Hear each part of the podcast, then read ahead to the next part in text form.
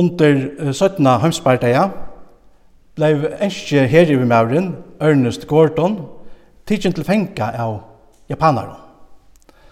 Han ivelevde korsene krutje og skriva i en bøk om de rævlige kårene til fengnon under krøynon. Kvendt det skulle han og alle hine fengene strøyast ved at uh, letja en jattenbreit gjøknon uh, frumskåna. Japansko fengavaktner talt og anbøyene hvers kvölde. Men eit kvölde røpte vakteren at ein spjertje manglai. Vakteren tjekk atur og fram mittlen fengarnar og kravdi av tøymon at han skulle si honom hver det var som jeg stjåle spekan.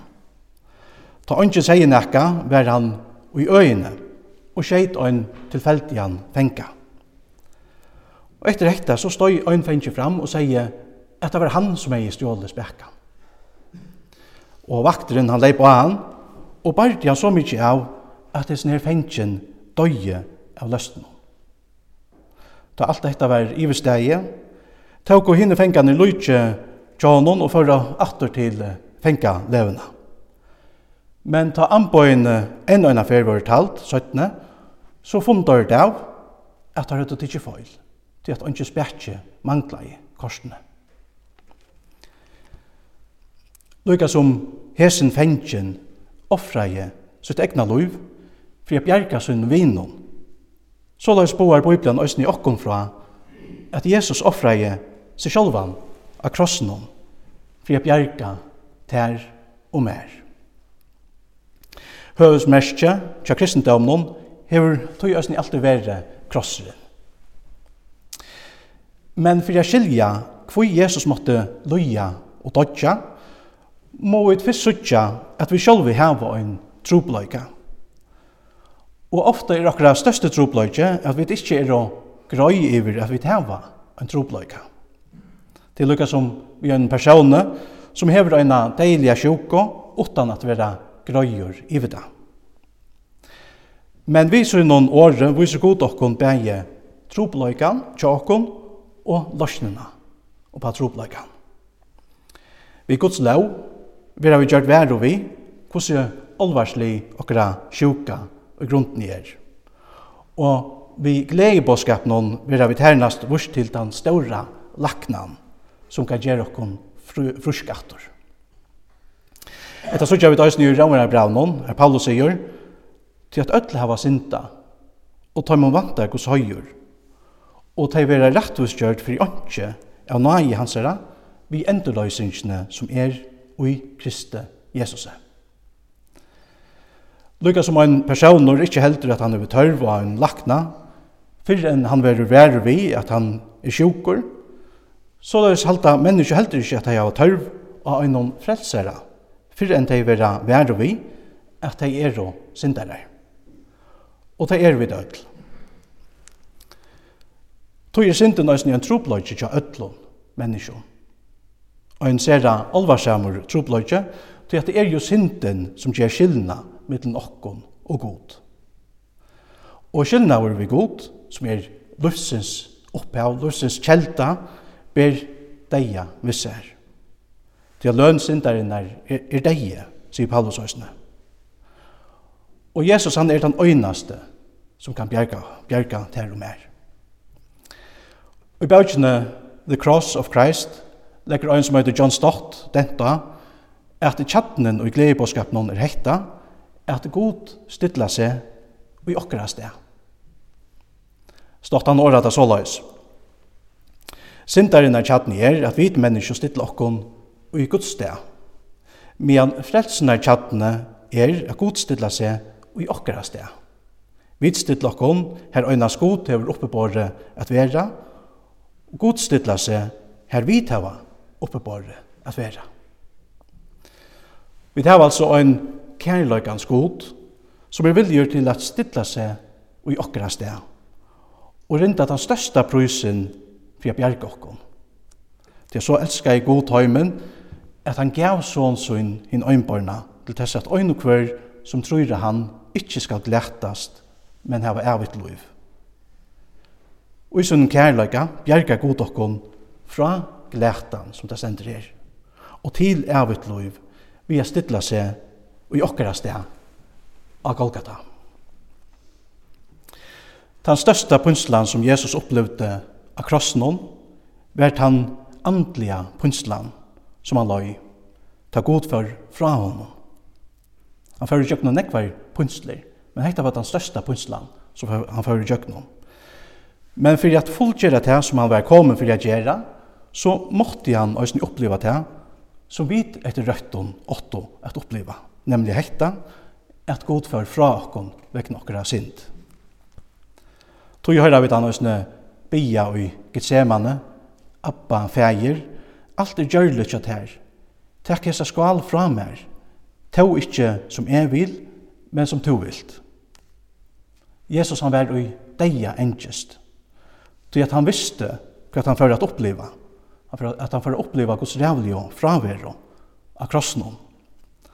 Og da han honker av krossen, så høyra vi han råpes i årene som jeg lyser. Eli, Eli, lama sebaktani, til god min, god min, hvor først du fram er. Jesus kom for å frelse oss atter til Guds nærvero. Jeg sa, Guds nærvero, så vi mister vekna okra sint. Men for jeg frelse okkon attor til Guds nærvero, måtte Jesus sjálfur oppleva Guds rævlig og fravero. Så Jesus han døg ikke bare fire syndarer, han døg i stegen fire syndarer. Han døg i stegen fire te og med. Hva Jesus var i deg enkjest, så var han korsne vilje til å stilla seg i tøyne mun steg. Og takka daumen fyrir okkara synder, seg sjálvan. Atlan dømen. Paulus sier at vi vera rettvistgjørt vi uh, Jesu blåe. Men hvert merker så etter her året, rettvistgjøring. Og en lydel søva kan kanskje hjelpe oss til å skilja hekta sin til betur. Tvær menn gjørt oss uh, gauer viner etter at hava gynnsje i skola saman og gjøkt noen fløyre jo her men som tøyen løy, mistet av sambandet vi kvann annan. Tan øyne at Høymon helt av vi at studera og gjørtist dømare, medan hinn enda i som brottsmauer. Og en dag igjen var brottsmauren, handtidgen, og løyte framfor dømaren, vekna øyne brottskjer. Dømaren kjente sin gamla vin på en av veien atter. Men vi er nå stedt i øynare tvistøvå. Han måtte være rettvisor til at han var jo en dømare. Han kunne ikke bare leta vimmannen til seg sleppa sted etter, utan nekra refsing. Men hin vegin, jeg sier han heldur ikke refsa han, tog at uh, dette var jo hans gode gamle vimmaur, som han også elskar i. Det enda er så vidt høy at han fortalte sin gamla vine at han for å få en behått for sina brottskjer som han er i framt. Så hette er rettvise. Men så gjerne for dømeren sjølver nyer av dømstølene og skriver en tjekk. Han gav vimmannen kjekken og sier at han ville sjølver rinta prysen og bautna fyrir han. Så dette er kærløyde. Samstundes, rattvise og kærløyde. Og i noen rattvise dømer god okkon, til at vi er jo sek. Men i sånn kærløyde kommer han her etter eh, sjálfur til okkom og Jesus og rindar bøtna fyrir okkom. Akross hon oppfyller god bæge sina rattvise og sin kærløyga. Vi tar at han refser okra synder, vi har tekka refsingsna av seg sjálvan, vi har stilla seg ui okra sted.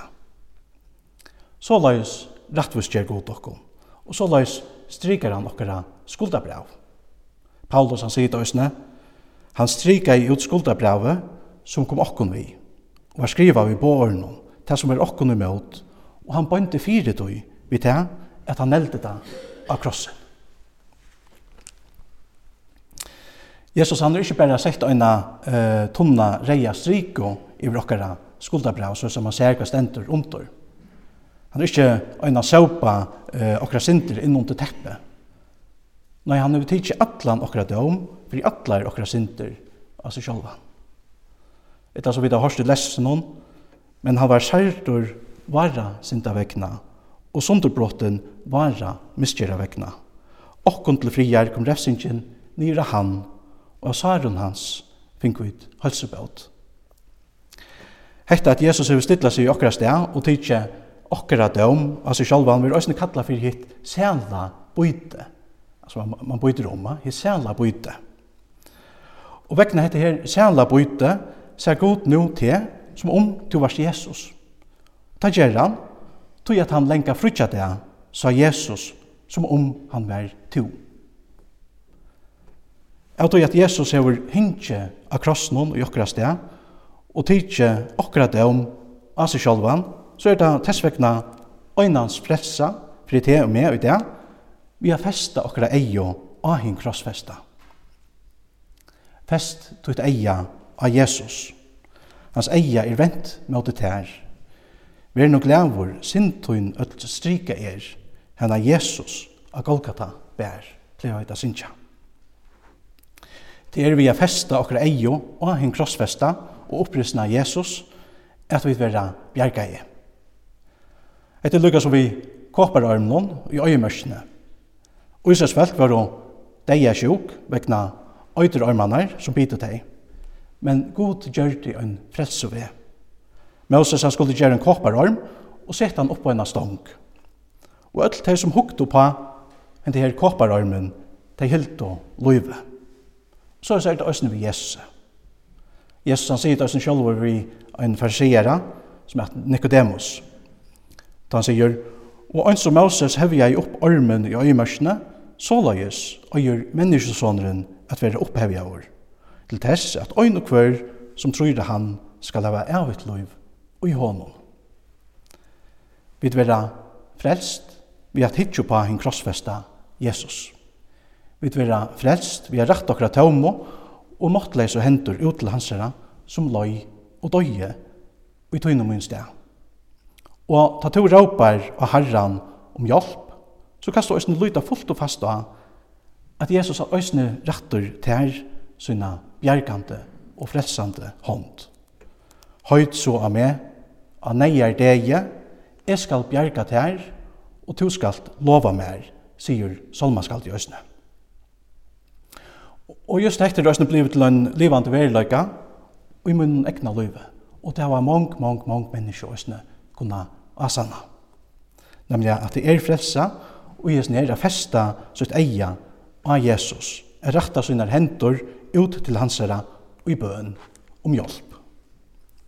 Fest tutt eia av Jesus, hikk inn i hans andlit så karst, og etter heimsins glede ta fanar bort, og i til nage og dord og i sørst. Lov og takk, og atler høyur, det her gode varon, feir sine og høylavan anda, som alltid hever vere, er og alltid verir ein sannur, trúi einar god, over fra fyrstu opphavet, nu om allar ræver. Amen.